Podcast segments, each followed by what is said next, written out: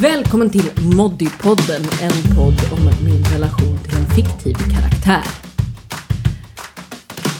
Jag heter Josefin Wistedt och jag ska göra en podd om min väldigt starka och djupa relation till en påhittad person som heter Modesty Blaze. Ehm, och vi som är här idag är jag, Josefin Wistedt och min sidekick Fredrik Lundqvist. Ehm, sidekick i podden, hej. Eh, hej Fredrik. Eh, och eh, även min eh, sidekick i livet. Vi är alltså gifta.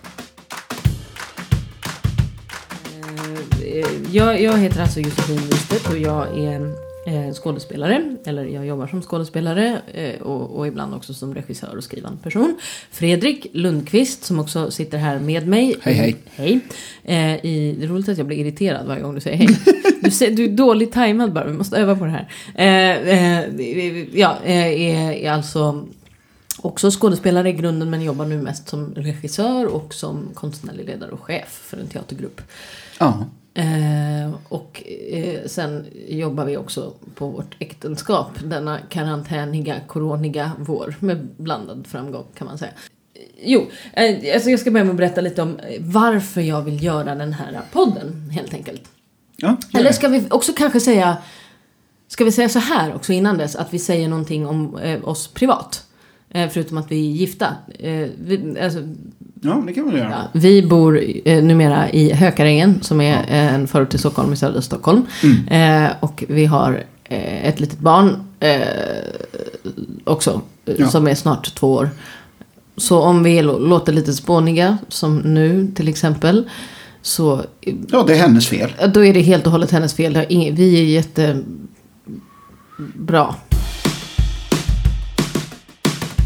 Jag ska göra den här podden. Eh, eh, eh, för att jag håller på att göra eh, research till en någon slags scenkonstupplevelse, föreställning, får se eh, exakt vilken form det tar, om eh, Modesty Blaze. Eh, som alltså är min livslånga kärlek sen jag som femåring lärde mig läsa i Agent X9 som fanns i bastun hemma hos oss. Eh, eh, så ja, alltså det är dels, eh, det är dels research. Eh, men dels är det också faktiskt bara en, en kärlekshandling. Eh, och sen har det också att göra med någonting som jag har upptäckt i, när jag har pratat med vår producent Jens om eh, den här eh, föreställningen. Eh, att eh, jag kom, det finns inget sätt som jag kommer kunna täcka in med en föreställning allting jag vill tänka och prata om Modesty Blaze. Eh, eh, så eh, då kändes det här som ett jäkligt eh, bra format. Det är nog ett skitbra form, format med tanke på alltså vi har levt ihop ja, det är fan snart tio år nu. Uh, ja, don't. Nej men vi har levt ihop i snart tio år nu och du har, du, du är fortfarande så här. Fredrik, Modesty Blaze, hon, Inte med den rösten Fredrik. Nej det här är. Jag har en väldigt intellektuell och välmodulerad stämma. Just nu är jag lite täppt i näsan. För jag är pollenallergisk. Men normalt sett så låter jag väldigt absolut. bra. Absolut. Eh, hur som helst är det fortfarande saker som, och, och så tänker, tänker jag i alla fall att det är så här, okej, nu är det någonting som jag har hört för nej det var det inte, det här var faktiskt nytt. Och det händer eh, fortfarande, eh, skulle jag säga. Så att du, jag tror det är skitbra. Och, Man kan säga så här. Modesty Blaze är en, en, en ganska stor del av mitt liv. Fortfarande. Och det har hävdats att jag är nörd. Något som jag skulle vilja ifrågasätta. på vilket sätt? Vänta. Vadå? Alltså jag är alltså nörd. Nej men alltså nörd, det tycker jag är lite att ta i. Alltså nörd för mig, det är ju någon som inte har någon självdistans överhuvudtaget. De bär alltid glasögon. Okej att jag gör det just nu. Du har verkligen så nördglasögon. Jag har li exakt likadana glasögon som du har Ja, Fredrik. nördglasögon. Okej, jag har inget svar I wear them with pride. Ja. Ehm, ni hör ju helt tydligt vem som är nörden här. Jag har bara Så här, nördglasögon. eh, Tillåt mig, bara så här, ursäkta mig. Mhm. Så här står det på Wikipedia om nörd. Det är en stereotyp benämning på en person som har ett fixerat intresse eller intresseområde.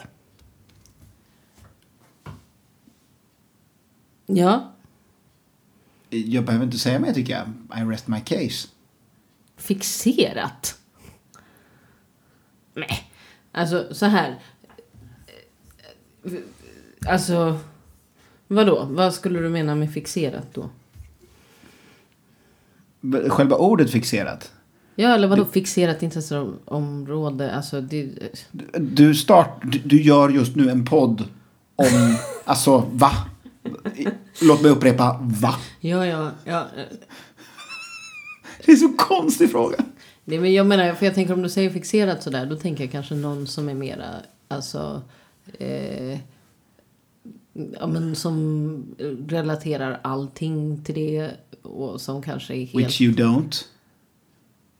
Vadå? Nej, inte allt. Alltså, jag, ja, alltså det är ju sant eh, att jag tänker ganska mycket på Modesty Blaze och har och det här vet ju du, eh, men att jag, jag har liksom haft den här, eh, alltså att jag har haft Modesty liksom som någon slags amulett och som någon slags, alltså nå, någonting som har tagit mig ur väldigt, alltså de djupaste dalarna i mitt liv. Och med tanke på det så är det ju kanske inte så konstigt att Modesty är någon viktig för mig. Eh, men, men jag tror ju inte att jag är... Okej, okay, jag tror ibland att jag är Modesty Blaze. um, Fortsätt. Ja. Ja. Jag, jag, vad ska, ja. I won that one. Okej, okay. vi går vidare i podden bara istället.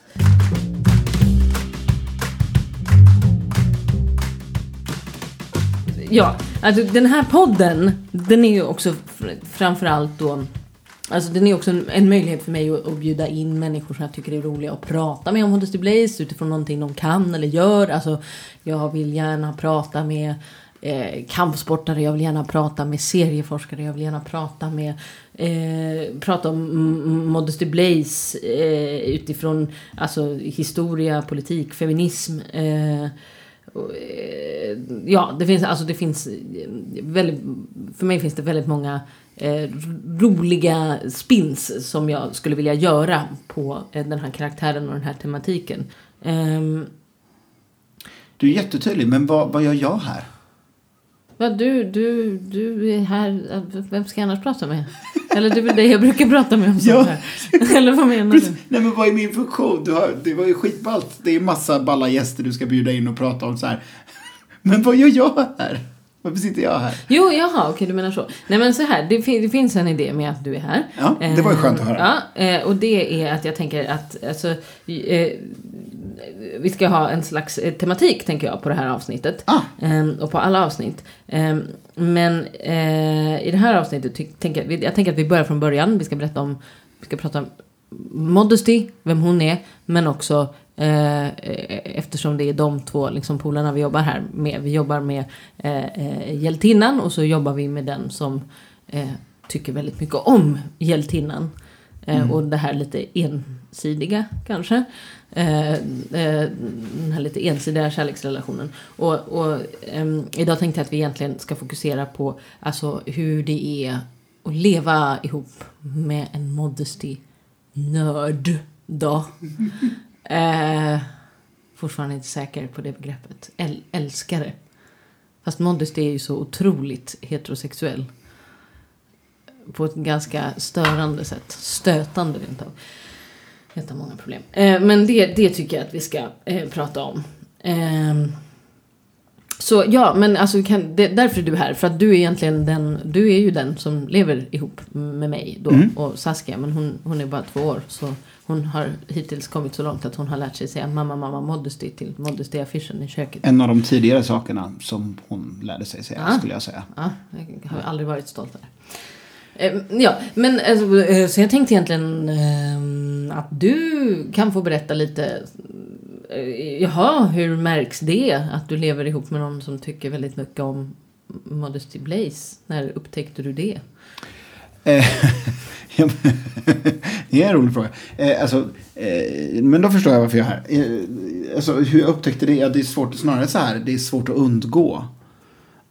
För det, det, det, finns ju en, en modesty-fakta eller en referens till en uh, bok någonting som Modesty Blaze gör inom bok som är femte upplagan av Flöhä Flöhä från nej, nej.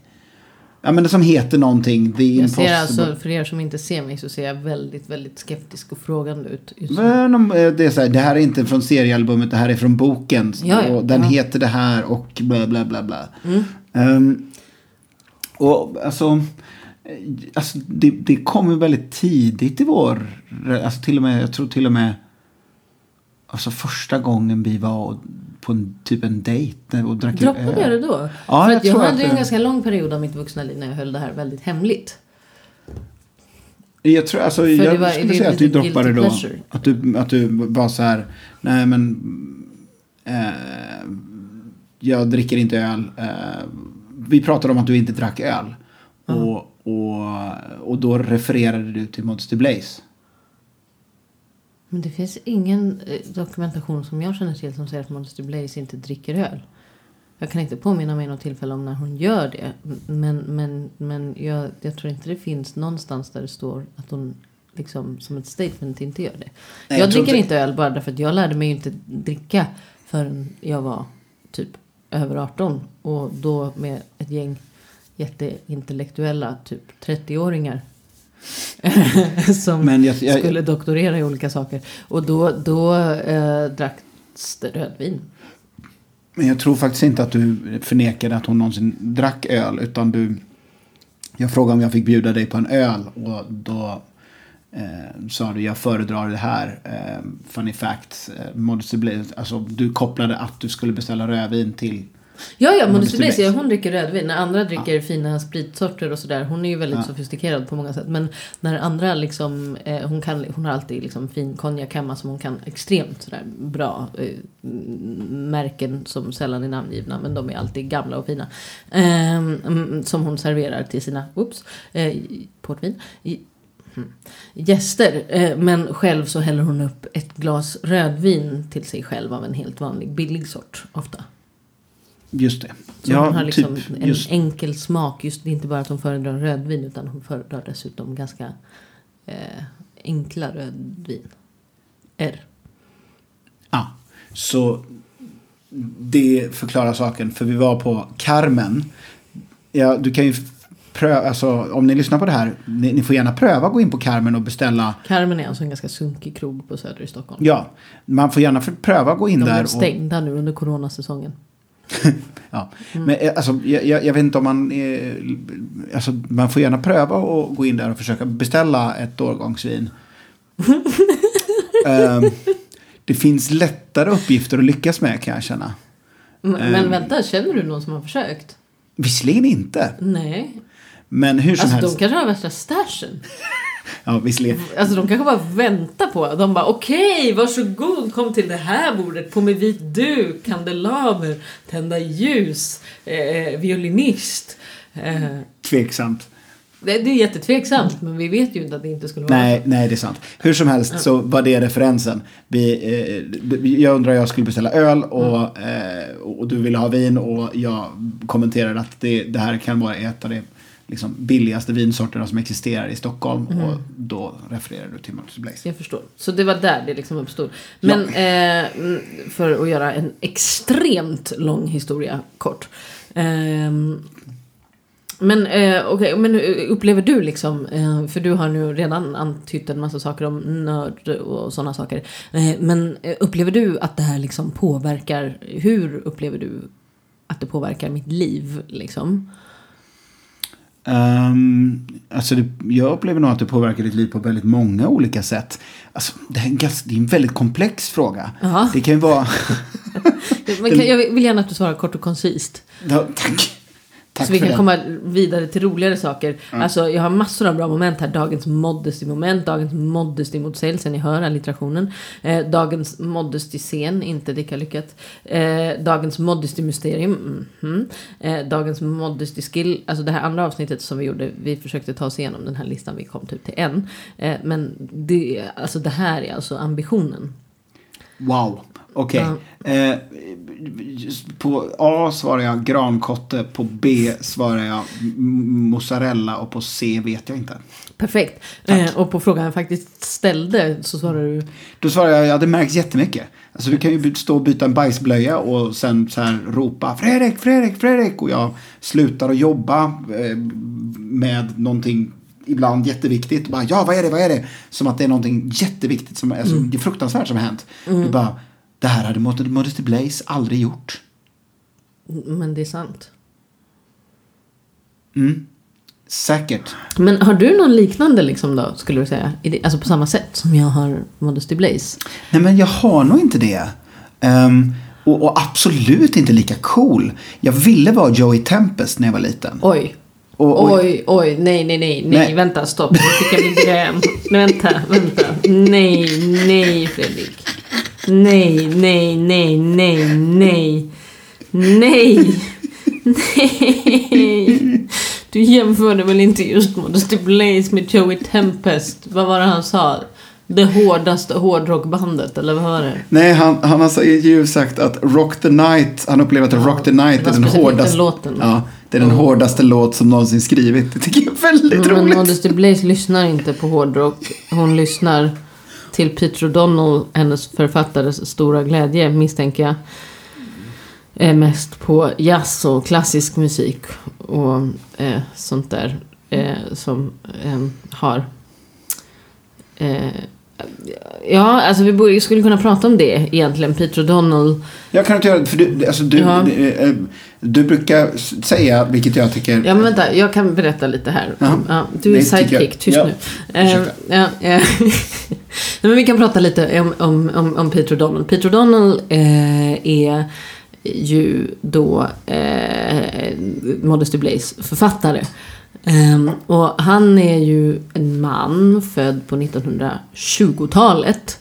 Uh, ehm, och, eh, alltså, och han har alltså skrivit den här eh, personen som jag på många sätt tycker fortfarande idag är en av de absolut eh, coolaste, mest eh, liksom sammansatta, eh, djuplodande och på något sätt, liksom, naturligtvis är hon inte realistisk, men på något sätt ändå liksom realistiska kvinnliga hjältinnan som jag någonsin har läst om i serier och böcker i alla fall. Liksom.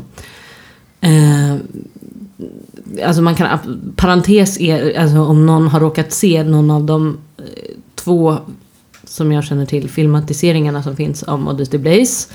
Varav en signerad Quentin Tarantino, vi kan prata mer om det sen. Eh, så behöver man inte, alltså man ska inte dra några slutsatser om vem och hur Modesty Blaze är utifrån dem för att de är liksom fruktansvärda under all kritik. Slutparentes. Eh, nej men det har ändå Peter O'Donnell lyckats med. Och han, har, alltså han skrev ju Modesty Blaze från början som en reaktion mot så här, våldsromantiserande hjältar och snubbkultur egentligen. Som till exempel James Bond som väl är ganska samtida representerade. Han störde sig på det liksom. Och så tillverkade han, eller han ska, hittade på Modesty Blaze. Eh, han fick ett uppdrag att han skulle skriva en seriestripp för en tidning som heter The Evening Standard. Eh, någon gång på 60-talet, början av 60-talet, 62 kanske. Eh, och då, eh, då eh, omsatte han den här idén som han hade gått och tänkt på länge. Eh, eh, Modesty Blaise i praktiken. Och hon är, liksom, hon är ett svar på de här manliga hjältarna. Eh, eh, på det sättet att hon kan, hon, skulle, hon kan allting de kan. Hon kan klara av alla situationer de någonsin skulle vara i. Eh, och hon eh, kan, liksom, hon har alla skills när det gäller eh, taktik, våldsutövande och sådär. Men eh, hon använder aldrig övervåld. Hon är inte styv i korken. Och hon är inte... Eh, hon, har, hon är liksom inte... Hon tar sig inte rätten att existera på alla andras bekostnad på något sätt.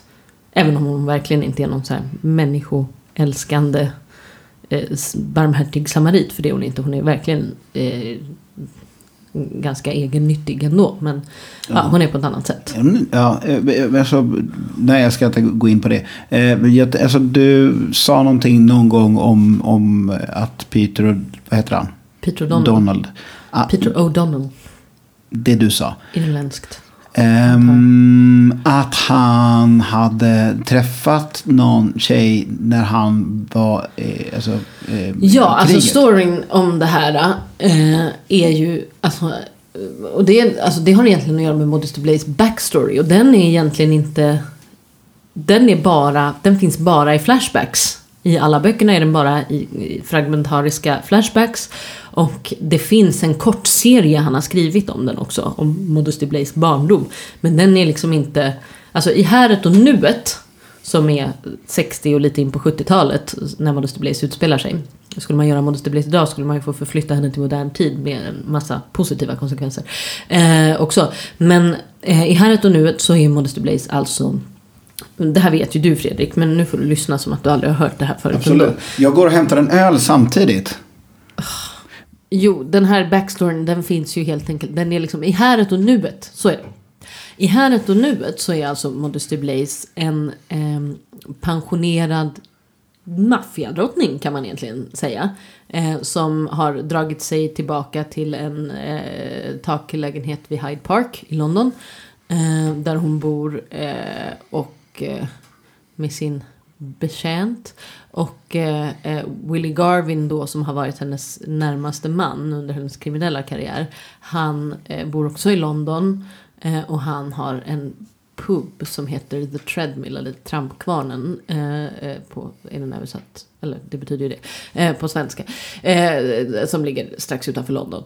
Eh, som han inte trivs så bra på. Han hade någon dröm om att han skulle vilja vara där massor. Men sen när han fick den så blev han uttråkad.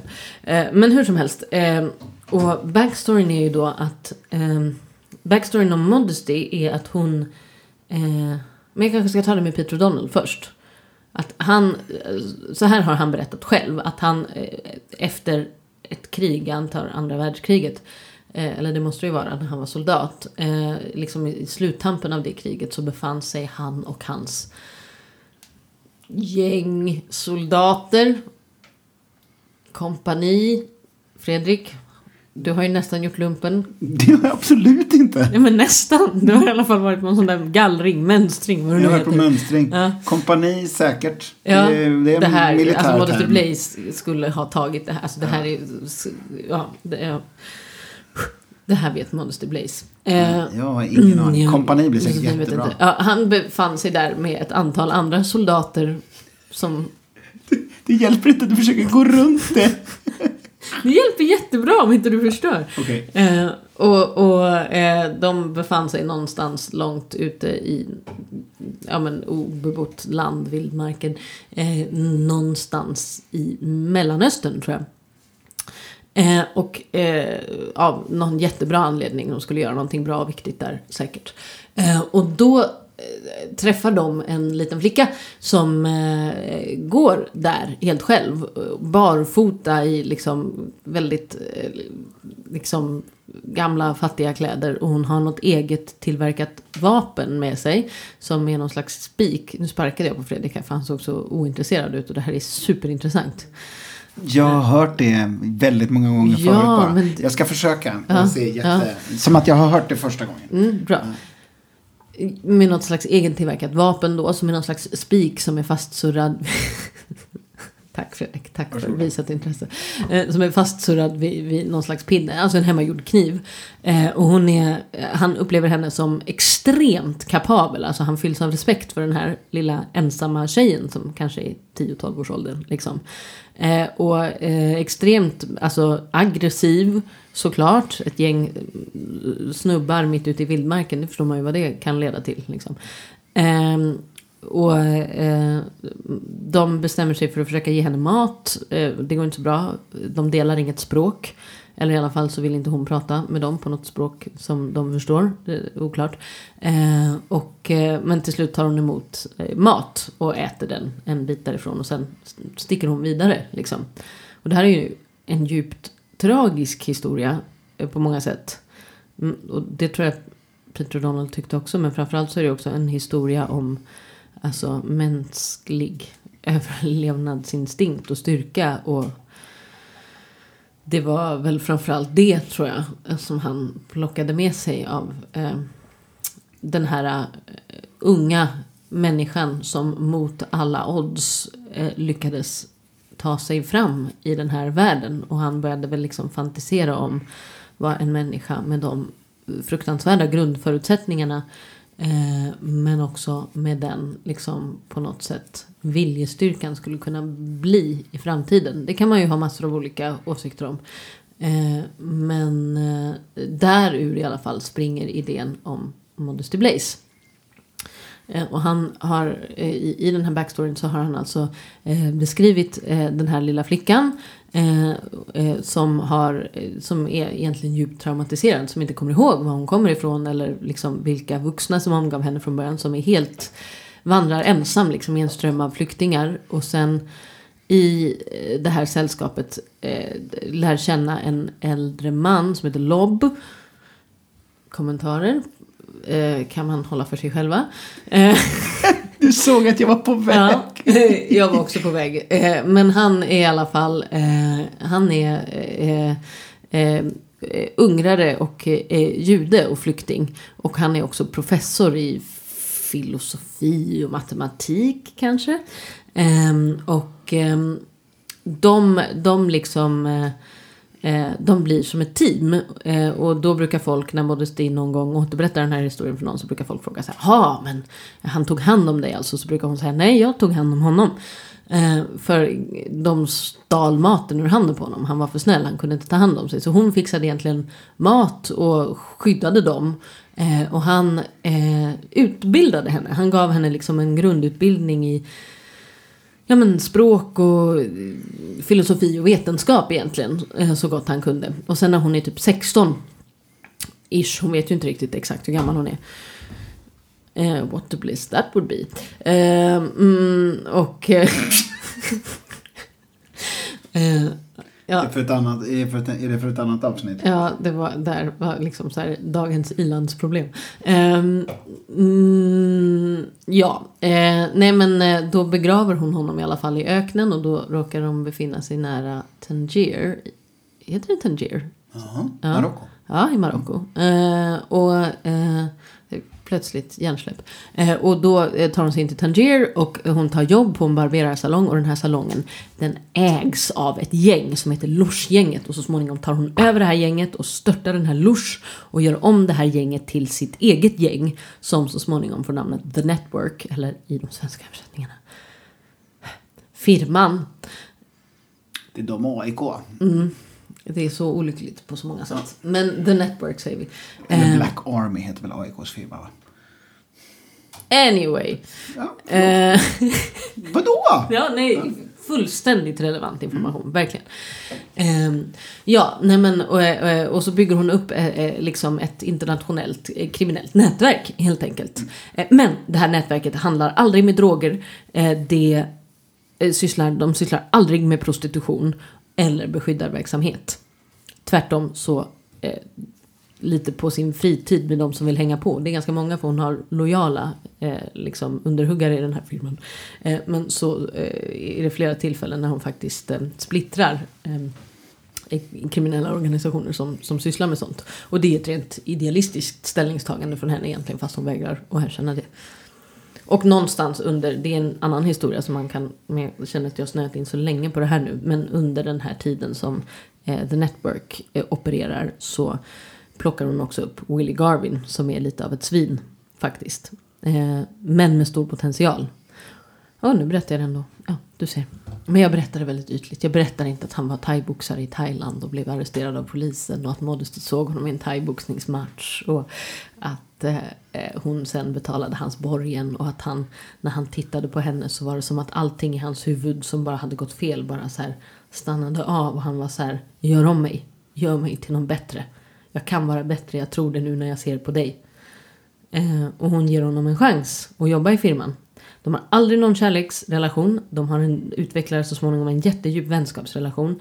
Och i deras dynamik finns också det eh, liksom exceptionella tycker jag i den här typen av historier. Att eh, Modesty alltid är chef. Eh, och att hon fungerar gärna och väldigt bra med Willie Garvin och håller av honom hemskt mycket. Men också väldigt, väldigt bra av sig självt. Och Willie Garvin kan operera själv när han vet att Modesty finns i hans liv. Men eh, vid något tillfälle, till exempel när han tror att hon inte gör det längre, till exempel i första Modesty-boken, eh, då slutar han fungera. Han liksom helt kollapsar och faller ihop. Ehm, så han är liksom helt... Eh, han är helt beroende av henne. Det var ju tur att du inte berättade om det. Det var ju tur att jag inte berättade om allt det om Willie Garvin, men det är så de känner varandra. Eh, och allt det här är backstory. Och ingenting av det här utspelar sig i böckerna förutom som är flashbacks.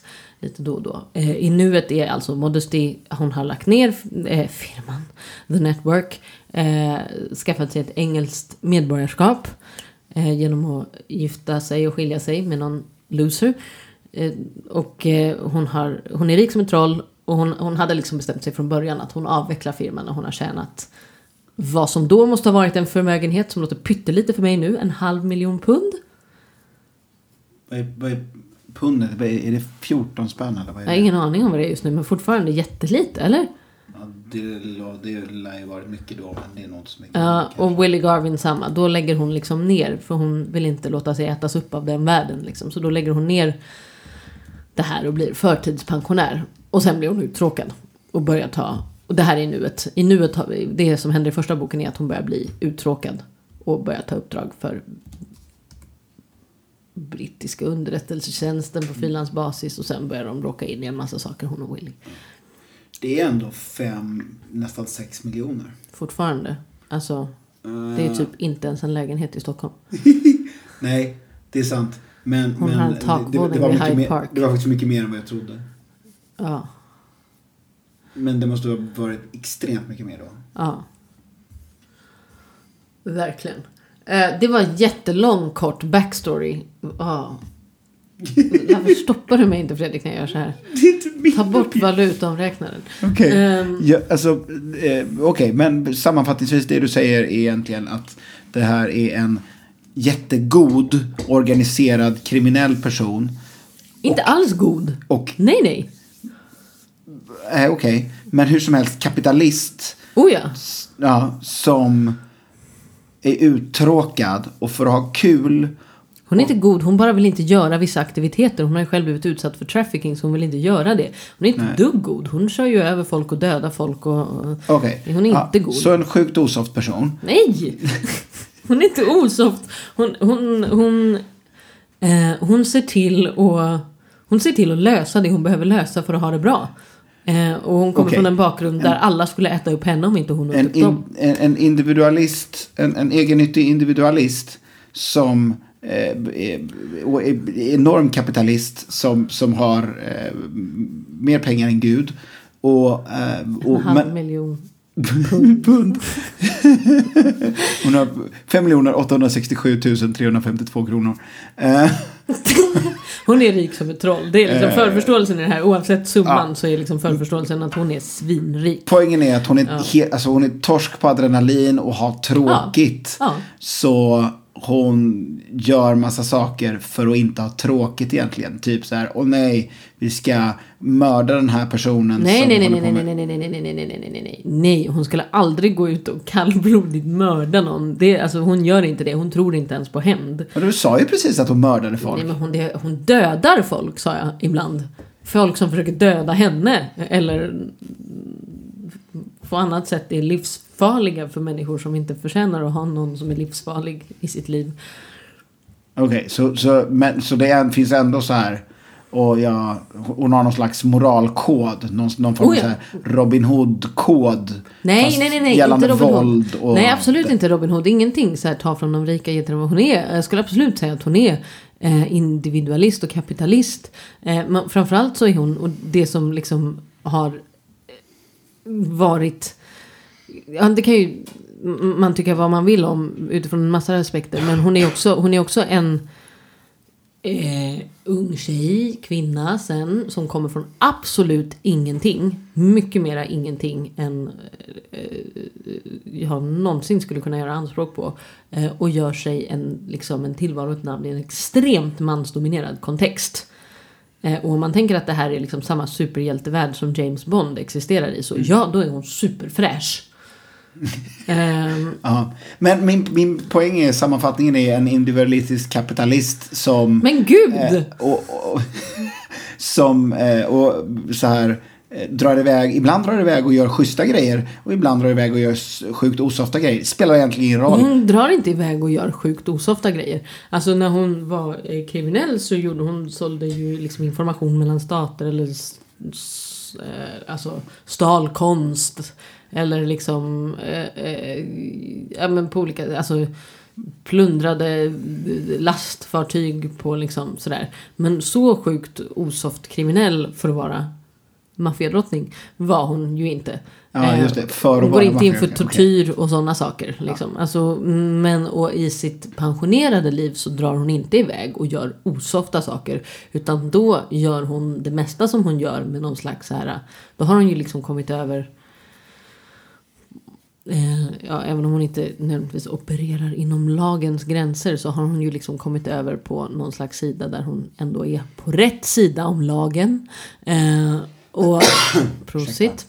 Eh, min, min, po- min poäng var nog egentligen bara att hon drar iväg och ibland räddar folk. Mm. Men det är egentligen inte för att hon vill rädda folk utan för att hon har tråkigt. Jo, jo, det kan absolut vara för att hon, alltså hon, hon gör sig omaket att rädda någon. Då känner hon nog att fan, någon borde rädda den här personen. Det är inte okej att han ska sitta i en grotta i Frankrike och bli torterad av terrorister.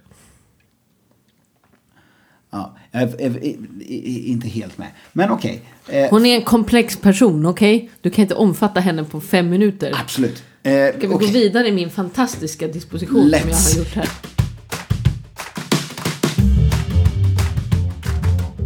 Jag vill bara säga, alltså min, min, min egen, eh, jag tror jag, är- som nog är lite stingslig i relation till det här, att jag på något sätt när vi har pratat om det här och när du har pratat om eh, jag, är- att du har en ganska distanslös relation till det här och är så här, nej men jag är egentligen Modesty Blaze och sådär, som du faktiskt går omkring och säger lite då och då. Och gör Va? Nej, vänta, vad sitter jag? det gör jag inte. Det gör jag är du ju inte psykotisk. Eh, nej, ja, eller? och andra konsonanter. Eh, Nej, nej det tycker jag inte att du är. Men, och tack G, thanks. men, men helt på allvar så har du... Ja, det finns en viss glidning kanske. Okej. Jag gör obscena, hoppas jag, italienska, väldigt effektfulla gester här mitt över vårt köksbord. Jag är Eh, osäker på om de är och italienska, de men det är verkar vara totalt verkningslösa. Eh, min, min, poäng är att det finns en stingslighet i det för jag bara säger okej men om du är det då kan ju jag vara Willie Garvin. Och att du bara så här nej. Och att jag om och om igen så här försökt och det känns som att det är så här en rela, alltså att, le, att tillbaka till att leva med, med någon som tror Jo, att jo men baserat, eller för du tänker så här, Willie Garvin, men alltså, vad vi, alltså på, eh, hur tänker du? Liksom, Nej, men eller, ja, men jag, jag ska komma till, Ja. min, min poäng är att det är, det, är, det är som att vår relation på ett sätt, är det, alltså, Modesty Blaze-relaterat, har varit en enda, gång, en enda lång audition för min del. Där du liksom så här, jag bara, känner men, du så Fredrik? Ja, men jag är i relation till det här ibland. När jag bara säger, men jag kan två olika kampsporter och har svart bälte i två olika karatestilar. Alltså Fredrik, det är inte det att jag inte säger att det är jävligt bra jobbat. För det är det ju, det är jättecoolt. Jag såg ju din, den här graderingen eh, för det här Kyokushin-bältet. Och höll på och... Åh, det här kan vara dagens misslyckade modesty moment för mig. När Herrers sparkade i huvudet där. Under den här, vad hette det, 30-manna-fighten. Mm. Det är alltså ett moment, berätta om det momentet. Nej, men, eh, ja, alltså det, det, när man tar ett eh, första dan, ett svart bälte i Kyokushin-karate som är fullkontaktskarate då. Som, så det innebär att man har inga skydd på, alltså man har inga Nej. handskar utan man går på varandra med bara knogar egentligen. Man får slå överallt och sparka och knä överallt. Man får inte slå i huvudet, men får sparka och knä i huvudet däremot. Eh, och, och avslutningen då, eh, graderingen är eh, ungefär sex timmar lång och den avslutas med den mytomspunna sek- eh, 30-manna-fighten. Vilket innebär att det är egentligen 30 personer som är högre graderade som är där. Och så får man gå en minut fullkontaktsparring med varje person. Ja. Egentligen. Och så ska man inte bli Utan knockad. paus. Utan paus. Och så ska Och man de inte är hela tiden fräscha. Liksom. Eh, exakt. De är utvilade, Ja. Mm. Och jag och eh, eh, eh, Leo satt där och hejade på er. Vem är Leo? Leo är också mitt barn, eh, men från en tidigare relation. Tack. Eh, och, han är stor, han är 15 nu. Och vi satt där och, och hejade som fan på dig. Och jag har ju själv eh, tränat alltså, både karate men framförallt eh, en hel del thaiboxning. Eh, kanske inte helt okopplat till min kärlek till Modesty Blaze, eventuellt. Eh, mm, mm, så att jag, nej men jag kan ändå ganska eh, bra leva mig in i vad det här innebär. Eh, och eh, när du liksom nästan håller på att gå sönder både självförtroendemässigt och fysiskt för att du kanske inte riktigt är så väl förberedd som du borde ha varit för den här graderingen. Men du har ju ett hjärta och en vilja av järn. Så kommer alltså Herrers, mannen av köttbetong. Eh, fantastisk kampsportare, jättefin människa. Men i det ögonblicket, herregud, då han måttar en spark mot ditt huvud och träffar och du går ner. Han kom till mig efteråt och sa förlåt till mig efteråt. Det är roligt att du sa, inte förlåt till mig. Nej, men han kom för att han, han var han, det var liksom, jag, om jag hade kunnat hade jag dödat honom med blicken. Eh, Det mm. gick ju bra, jag var bara halvknockad. Jag kom ju upp i alla fall. Så det- Ja, ja, det löste sig ju och du fick ju ditt svarta bälte. Men varför pratar jag om det? Eh, Men- Jo, det, att det är fantastiskt att du har eh, gjort det här. Och, och det är liksom så här. Men, men. Alltså. Ingen är ju Willie Garvin. That's my point. Det är som att det är som sagt en enda lång audition och jag så här, ger exempel men jag kan ju det här och jag kan ju det här. Det är som Willie Garvin och du bara Jo, men mm, du kan jättemycket. Ja, men så, Saker. men så, och så fortsätter du med mm, men du har glasögon. Eller liksom, det är som Men att du du har bara, glasögon. mm, men du har inget hår. Eller det är som Men att, det hade du ju då. Det är bara nu på sista tiden du har Ja, rakat av det. Men, men, men det, det är som att det är så här, I can't win. Så att det, det, det är lite stingslig också i relation till den här. Och du har jättemycket hår på hakan. Ja, fast det har ju inte Willie Garvin, that's the Nej, point. Så, så ja. Eh, där, därav att Han jag har ett ansikte som består av många plana ytor. Okej. Jag skriver ner det här. Ja. ehm, Slipa ansiktet. Men du, alltså Ja. på riktigt, vi är så dåliga på att hålla Ja, den här. Alltså, vi skulle ju vara bra på det. Jag var ju jätteduktig och sen sa du att jag skulle spänna av och nu har det gått åt helvete igen. Absolut inte gått åt helvete. Det har varit jätteroligt. Fortsätt. Ja, eh, eh, eh, vi, vi kan ta någon av punkterna jag har sagt i alla fall. Dagens modesty moment. Ja. Ja, och här tänker jag alltså att eh, den, den här punkten tänker jag alltså är ett ögonblick vid ett eller annat tillfälle i ens egna liv. Eh, eh, eh, när man, eh, som man kommer att tänka på i förhållande till mm, eh, dagens modest moment. Alltså det behöver inte vara från idag utan det är bara, dagens är bara att vi säger det idag. Eh, hur hade Modesty gjort där? Hur gjorde jag? Eh, och det kan ju antingen vara ett ögonblick som är jättemodesty. Eller så kan det vara ett ögonblick där det är så här. Mm, så hade nog inte Modesty gjort. Du kan Jo. få ha dagens Willie Garvin moment om du vill. Nej, men, alltså, det, Jo, jag, men snälla du får det. Det är okej. Mitt utvalda Willie Garvin moment skulle jag säga är ett anti-Willie Garvin moment. Det är, alltså, det är, det är egentligen den där, alltså den där stunden när man har, när, när man har väntat för länge. Ja, Eh, och det, det är en, the big one, eller en stor, stort sånt tillfälle. ja men på Eh, det. Och, och, eh, nej, men, jag, är, Jag peppar. Ja.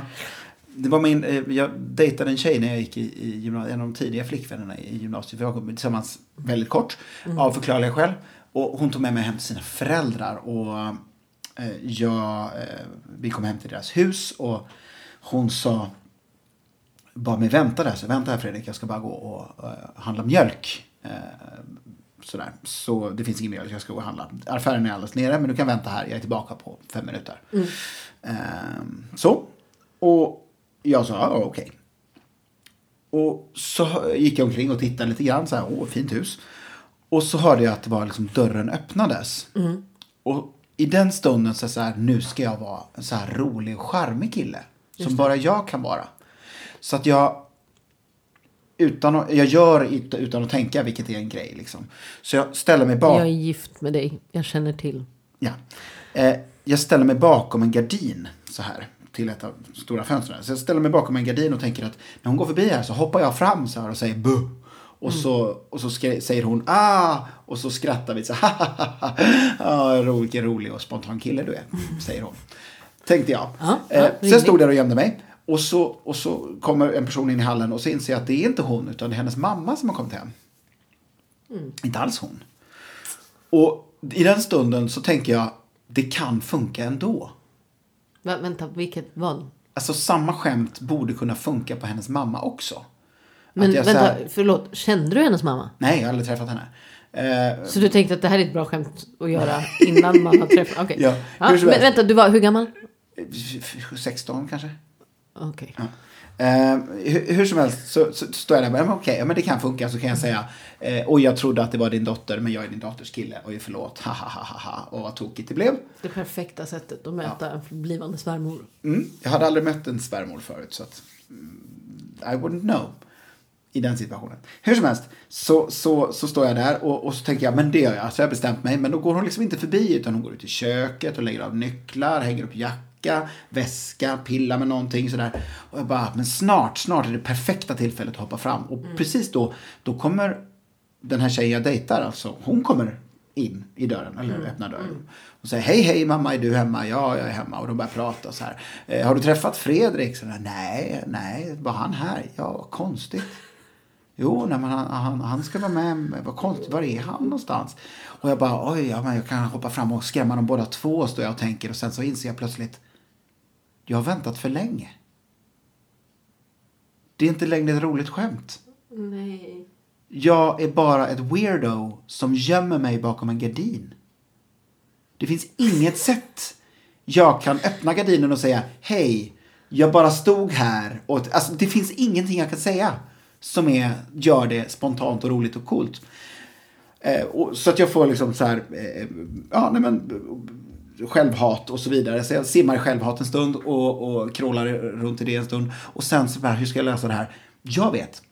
Jag kan smyga till badrummet och stänga dörren jätteförsiktigt och sen öppna så här över teatralt så här. Hej, jag var bara här inne och bajsade. Och de kan bara, va? Var du inne och bajsade? Men då Ja, hade du liksom fri väg då till badrummet. Ja, precis. Jag såg en dörr som jag gissade var badrummet. Så bara, där kan man nog låsa om Och sig. då Det- var de liksom någon annanstans. Ja, de var, de var, alltså det var ju någon slags öppen planlösning. Så det var liksom beroende av att de skulle vara så här, åh vad intressant det är här borta. Så skulle jag kanske kunna lyckas med det. Vadå, de var typ i samma rum? Typ.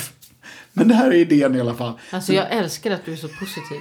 Du är så optimistisk lagd. Så när de vänder sig om så, så tänker jag liksom så här, nu är min chans. Så jag gör någon så här agentsmyg, nej agent, tecknad film, smyg snarare. Skönt att du själv reviderar. så här. Eh, och precis när jag är mitt i mitt tecknad filmsmyg, då vänder de sig om och repliken, alltså blir det så här awkward, ja men bara stilla och tyst. Och de tittar på mig och jag tittar på dem och ingen säger någonting på jätte, jättelänge. Och till slut så säger jag hej. Och de säger hej. Och sen säger ingen någonting om att det är konstigt att jag har varit bakom gardinen. Okej. Utan de bara, vill, vill du ha kaffe? Och du sa? Ja. Men och sen då? Alltså hur var... Det pratades aldrig. Nej, alltså, nej, men jag menar liksom i fortsättningen, i den fortsätta... Ja, nej, nej. Hon gjorde slut med mig ett par dagar senare. Så det här var enda mötet du hade med hennes mamma? Ja. Så hennes mamma är fortfarande så här, gud vilken tur att hon inte blev ihop med den där presumtiva seriemördaren. Absolut. Ja, alltså, om någon lyssnar på det här, om hon lyssnar på det här, det vore jätteintressant att höra hennes, att den här historien ur hennes mammas perspektiv. Jag bara säga. Det vore extremt roligt. Ja, end of story. Är det, är det ett avsnitt du gärna vill ha med i, i den här podden? Verkligen. Ja, det, det, är hur som helst, det, det är hur som helst min, eh, eh, min anti-Garwin moment i... Ja, det är ett anti-Garvin moment. Ja, ja, jag för jag säga. trodde att du skulle berätta om det här. Ett annat moment.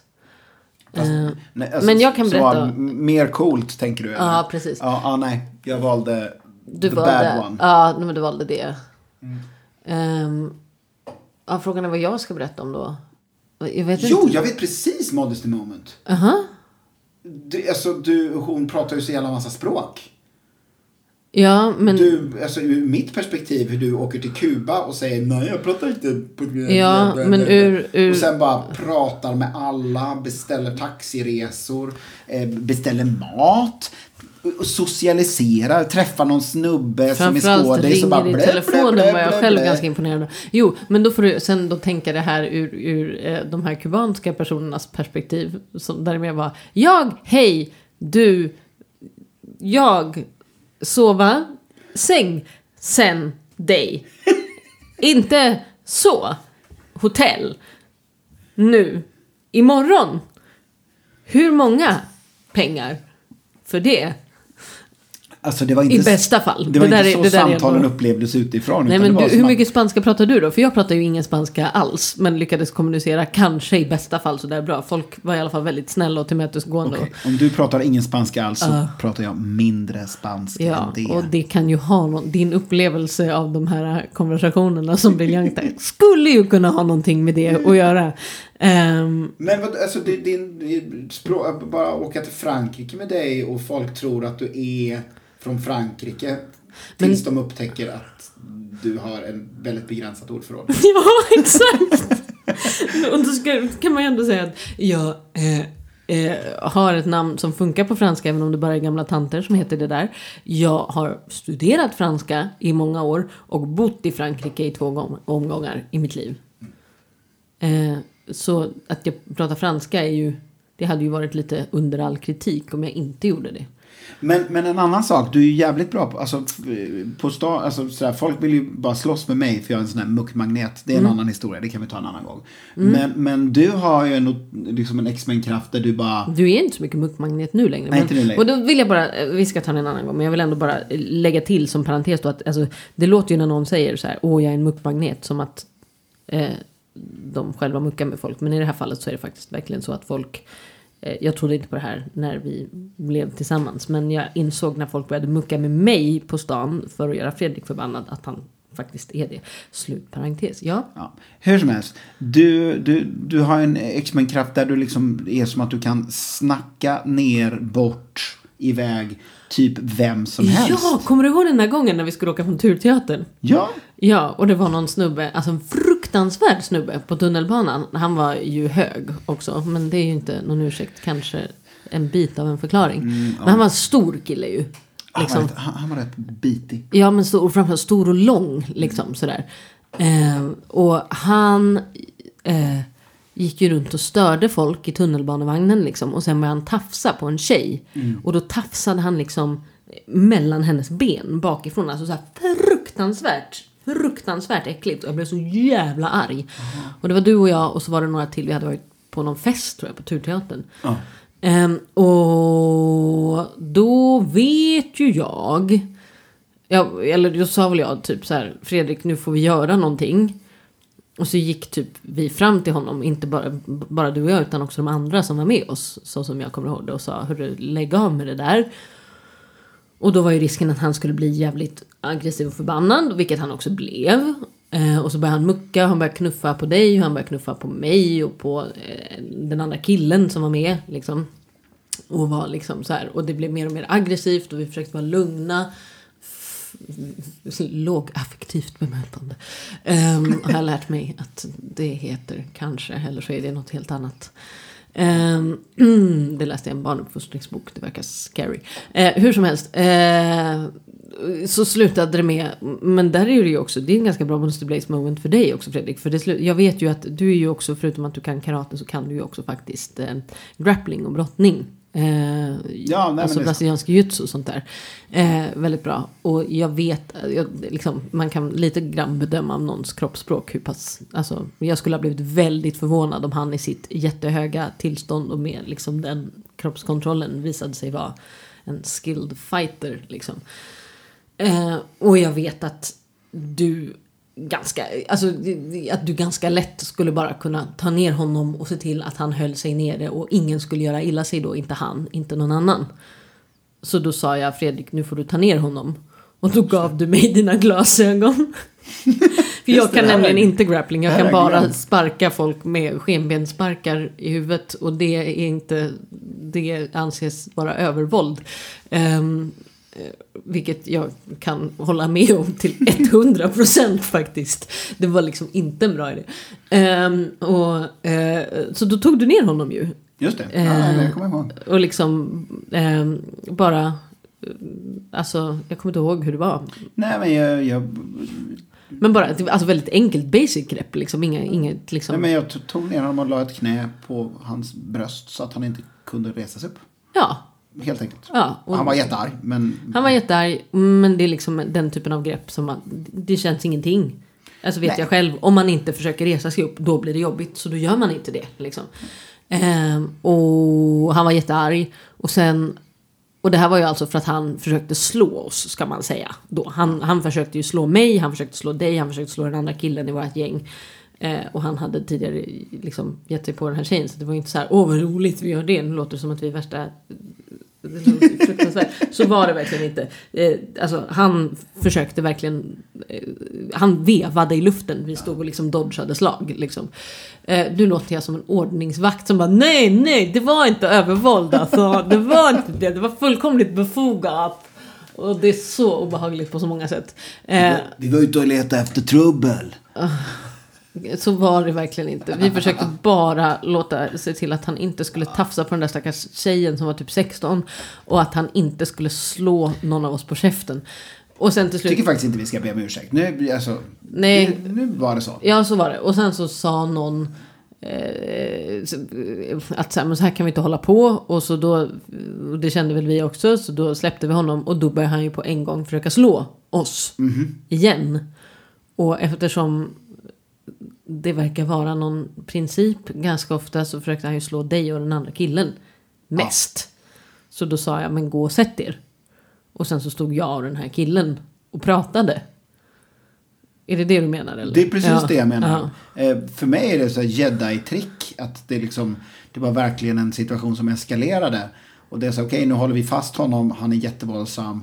Och sen eh, reagerar folk i vagnen. Vad gör ni? Ni är flera stycken och han var en. Och det är helt sant.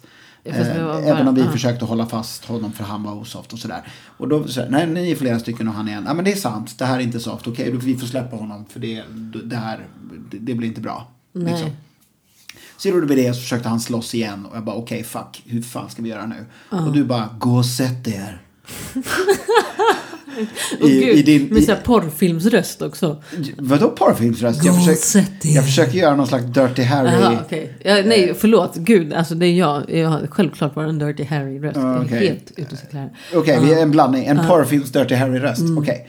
Men det gjorde du alltså. Gå och sätt er. Så, och, och vi bara okej, okej, Mm. okej, okej, okej. Och, och, och, och gick och satte oss. Och Mm. då var det som att den här, när du började prata med honom, som att han bara stängde ner och så här. Oh. Men de var ju, de var ju osofta och du bara mm, ja, jag fattar. Och började så här resonera och Framförallt så gick han av på nästa station. Och gick av på nästa Eh, station. Det var ju det som var hela målsättningen. Ja men det var, för mig var det så här jedi-trickstämning. Ja, jag har ju haft fördelen att leva ihop med psykiskt sjuka människor. Så jag har övat lite på... Eh, Ja, det var fucking coolt i alla fall. ja. Eh, vad bra! Där hade vi dagens modesty moment. Sen finns det ju också många moments när, när man typ själv var den där tjejen som blev tafsad på och bara antagligen borde ha knät killen i skrevet. Man bara, va?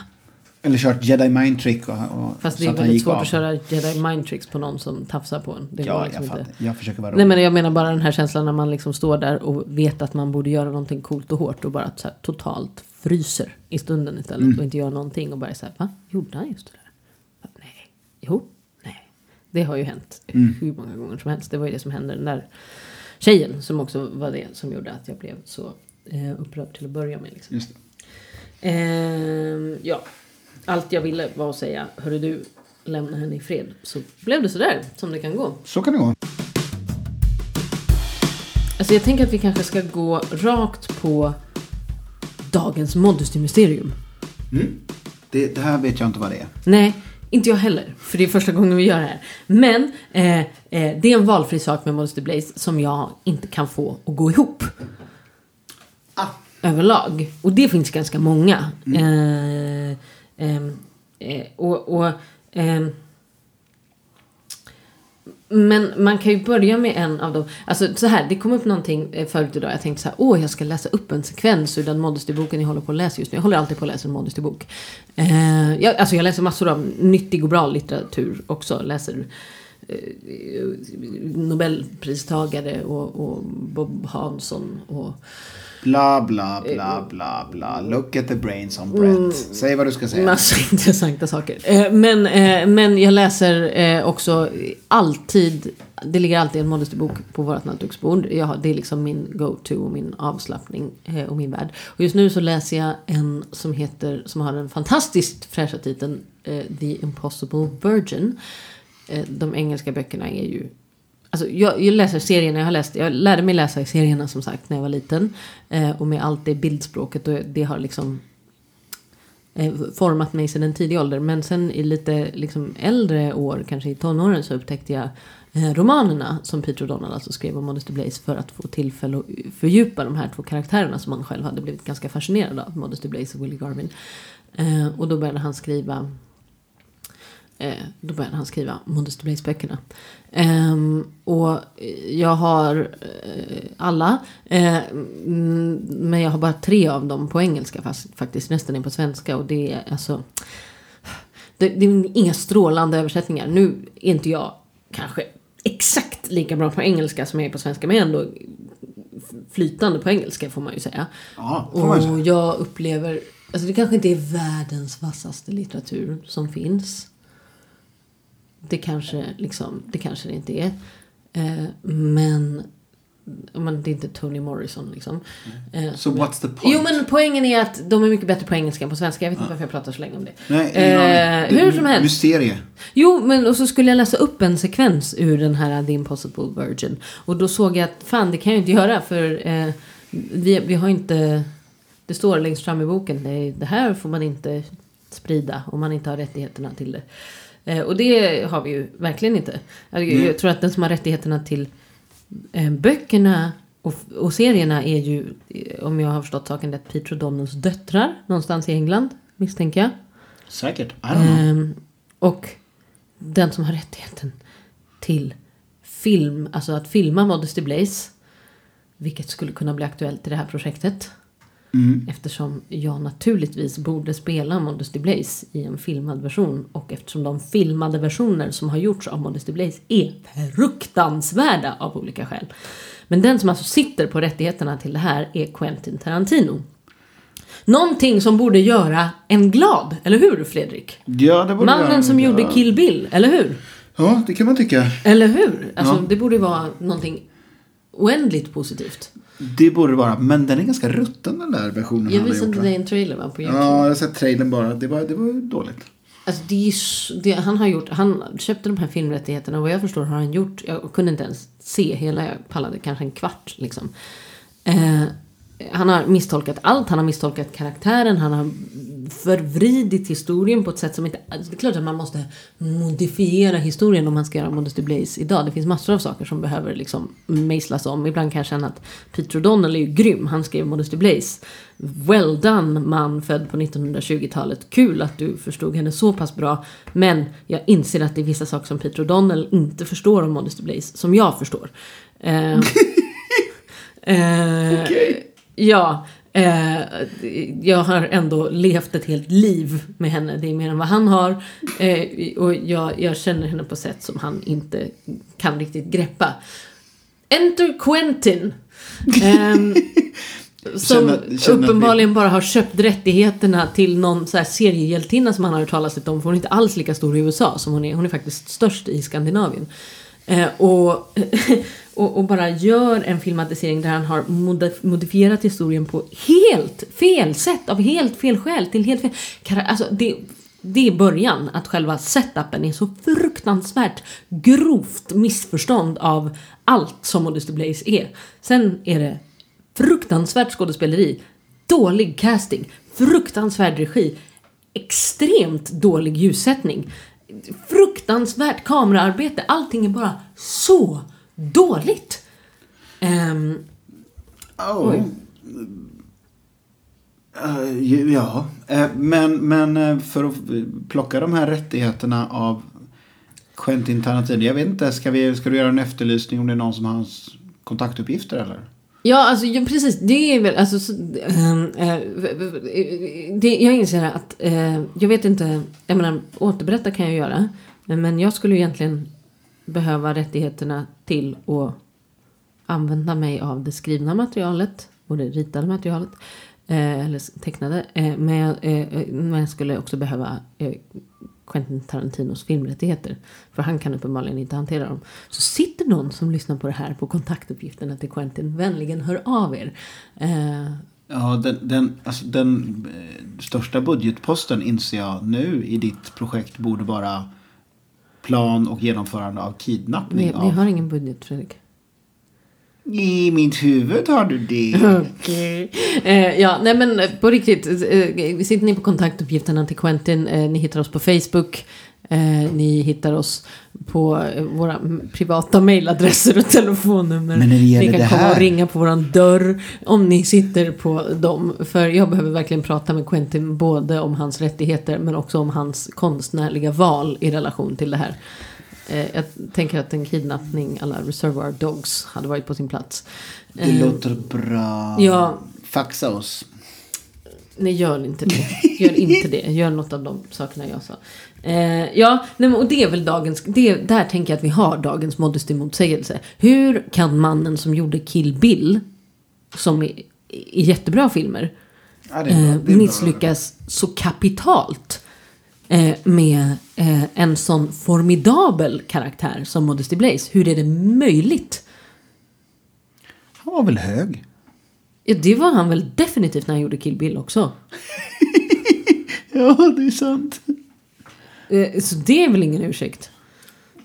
Eh, That's Nej, true. alltså, och det, det, alltså, jag vet inte om vi behöver, du vet, vi får ju bjuda in honom till den här podden om han har förhinder. Eh, så får vi väl bjuda in någon filmvetare eller något som kan hjälpa mig att förstå det här. För det, det är liksom, men jag kan känna att det är ett helt eget avsnitt. Men det kan få stå för dagens modesty-motsägelse i alla fall, känner jag. Det låter skitbra tycker jag. Har du en? En dagens modesty-motsägelse. Mm. Hur kan Alltså- Modesty Blaze och Josefin Wistedt finnas samtidigt? Alltså, det är väldigt svårt för mig att ha en modesty-motsägelse för det är du som kan en massa om Modesty Blaze här. Ehm, Men du har ju ändå varit men, men, men, gängat ihop dig med mig nu här några år. Så du har Ja, lärt dig det kan man, kan man hålla med om. Ehm, nej, men alltså min motsägelse är nog hur du, alltså, kan, alltså, alltså du, du kan inte ta dig igenom en, alltså ett avsnitt av typ Brooklyn 99 på Netflix utan att pausa och bara Vår ha Nu ska vi somna-serie. ha en lång rant om hur patriarkatet Fast det har jag väl inte så trycker mycket ner Brooklyn. Nine-Nine. Sa Det där också. Ja, nej men hur som helst. Vilket inte är helt Där obefogat. plakat Vil- låter jag väl inte. Jag är väl mycket Nej. mer nyanserad än så. Okej, okej. ja. Du ska få prata själv. Jag lutar mig bakåt här. Jag lutar mig bakåt. Ja, Han kan jag säga. Ja, ja, eh, eh, ja med nyanseringen. Men hur som helst. Eh, och, och det är väl inte helt eh, o, ogrundat. Verkligen inte. Men kan, ja, var, var tionde minut eller sådär kan det hända. Men i, i de värsta av fall. Och samtidigt. Tack Josefin. Samtidigt som, som du har den sidan och är liksom så här och jätteengagerad, var jätteengagerad i metoo-rörelsen och bla bla bla bla bla bla bla. Eh, de bitarna, det är liksom din, din feministiska eh, kamp och, eh, och eh, Åh gud vad stjärtigt du får att låta. Vadå stjärt? Okej, ditt det, det, det, engagemang utifrån en femi... Blä, blä, blä. Okej. Jag tycker bara att det är trevligt om det är rättvist. Ja, okej. Gud, nu blir jag mycket som inte- Okej, förlåt. jätte självmedveten Nej, men här när du säger att saker jag säger låter stjärtigt. Nej, nej, nej. Sjukt jag, det var bara jag som kände mig som att jag blev utmålad. Vill du att jag ska säga någonting om det här eller? Ja. Then shut the fuck up. Ja. Vad var jag? Ingen aning. Mitt i stjärtigheten. Ja, vad ska jag säga? Ehm, här... Att jag har ett starkt rättvisepatos. Nej, det är inte det jag försökte säga. Eh, men det har du. Eh, eh, absolut säkert. Men, eller, jo, det har du. Men min poäng är att samtidigt som du har att du liksom bara inte kan låta bli och gå lös på liksom film eller serier eh, var, var 15 10 minut när, när det är eh, saker som är rent orättvisa helt enkelt ur, utifrån eh, en, en könsmaktsordning. Så, så har, har du liksom en, hel, en, en liksom blind spot när det gäller Modesty Blaze. Att du kan bara säga, nej men Willie Garvin har, eh, han är delägare i någon cirkus där han har relationer med ballettflickorna och det är så trevligt så. Jag bara, ursäkta? Han har vad sa du? Ha, och han heter Arnaud i tredje namn. Eller alltså, va. Eh, alltså det, det, det är bara helt orimligt. Och det, det var så, så långa och många diskussioner vi haft om det. Du bara, nej, det är på lika villkor. Och de är så jämställda. Bara, nej, det inte. Han betalar deras löner. Han äger cirkusen. Det är så osoft. Du bara, nej, det är det inte. För att blä, blä, blä, blä, blä.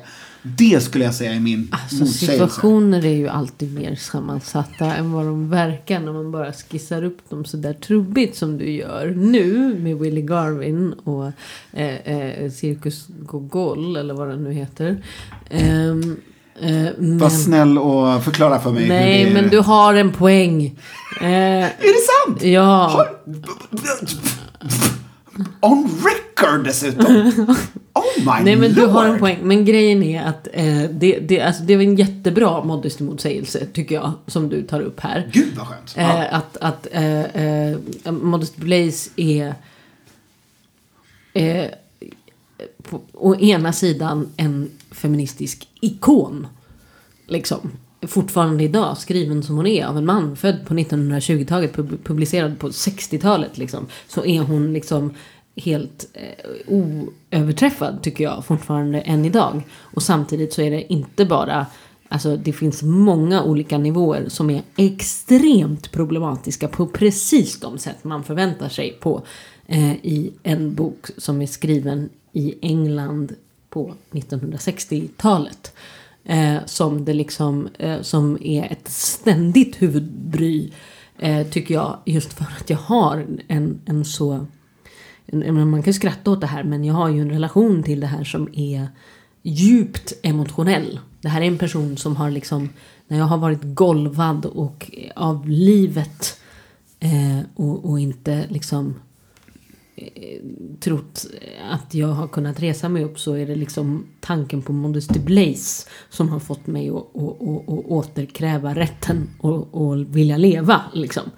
Eh, och det är inget skämt utan det är liksom det här är personen som jag när jag har varit eh, själv har rest mig med hjälp av och, och tanken på henne har liksom fått mig att ta mig igenom saker som jag inte tror att jag hade tagit mig igenom annars.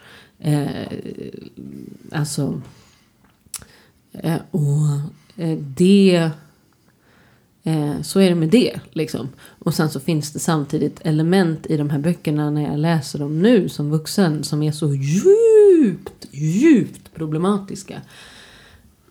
Eh, och det existerar parallellt och jag har väldigt svårt att Det- samsas med det. Det, jag vet inte alltså, om någon- ska lyssna på det här. Eh, att det, det är en breakthrough skulle jag säga i vårt äktenskap. Att du on record, alltså in på, i en inspelning erkänner att, det här specifika fallet framför allt. Men, men eh, bara så här erkänna det här. Eh, då vi har haft många och långa diskussioner där du hävdat att det absolut är någonting helt annat. Det, men så här försvarat de här, de här helt Ja, bisarra... som sagt var, jag tycker inte att man ska dra allting över en gräns. Utan jag tror, tycker att du ska få läsa några av de specifika partierna. Och så kan vi prata om dem ett och ett. Men ja, eh, jag tror att vi avrundar det här där. Ja, det kanske vi gör. Jag tror att det här... Ja, det är upp till dig. Det är, it's your pod. Ja, men det gör vi så du. Eh, för det är dags för det också. Ja, eh, du har lyssnat på Moddypodden, mm, kanske. Med mig, Josefin, i studion, Fredrik. Eh, om du gillar det här så kan du stötta oss på Paypal, Patreon och kolla oss på alla våra sociala medier. Ha det fint. Hej!